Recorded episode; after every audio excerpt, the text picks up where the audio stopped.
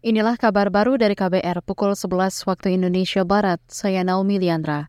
Presiden Joko Widodo resmi menambah libur Idul Adha menjadi 28 hingga 30 Juni 2023. Itu disampaikan Kepala Negara saat mengunjungi Pasar Parungpung, Gunung Sindur, Bogor, Jawa Barat. Jokowi berharap libur panjang saat akhir pekan bisa meningkatkan ekonomi khususnya pariwisata lokal. Yang ya itu kan apa pertama harinya memang memerlukan waktu yang lebih untuk mendorong ekonomi utamanya di daerah agar lebih baik lagi, utamanya di bidang pariwisata lokal. Jadi karena kita lihat bisa ya diputuskan. Itu tadi Presiden Joko Widodo. Sebelumnya Kementerian Agama belum dapat memastikan libur Idul Adha.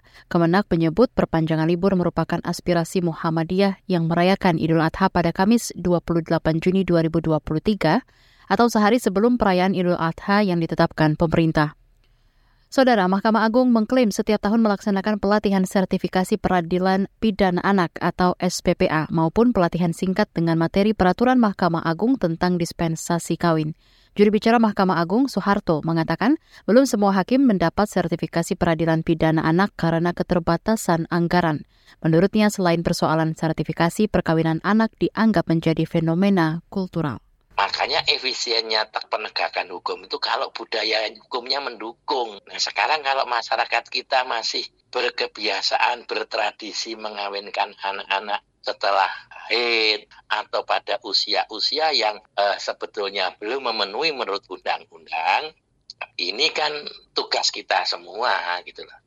Untuk pelan-pelan kita budayakan sampai masyarakat sadar secara hukum itu tadi juri bicara Mahkamah Agung Soeharto. Sementara itu, Hakim Tinggi Pengadilan Tinggi Jakarta Indah Sulistiowati mengatakan kehadiran peraturan Mahkamah Agung tentang dispensasi kawin anak bisa memperketat perizinan. Menurutnya aturan tersebut diterapkan agar tidak dilakukan serampangan, namun ia menilai implementasinya belum maksimal di lapangan. Beralih ke informasi lain, Badan Geologi Kementerian Energi Sumber Daya Mineral ESDM menghimbau warga mewaspadai awan panas guguran Gunung Karangetang di Kabupaten Kepulauan Sitaro, Sulawesi Utara.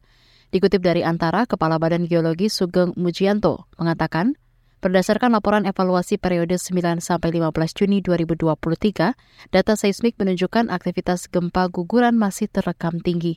Pada periode tersebut, lembaga itu merekam sebanyak lebih 580 kali gempa guguran selain gempa-gempa lainnya. Sugeng menambahkan awan panas guguran pada periode tersebut tidak terjadi. Namun menurutnya perlu diwaspadai kemungkinan awan panas guguran ke arah selatan yaitu Kali Kahetang dan Kali Batu Awang. Saudara demikian kabar baru KBR, saya Naomi Liandra.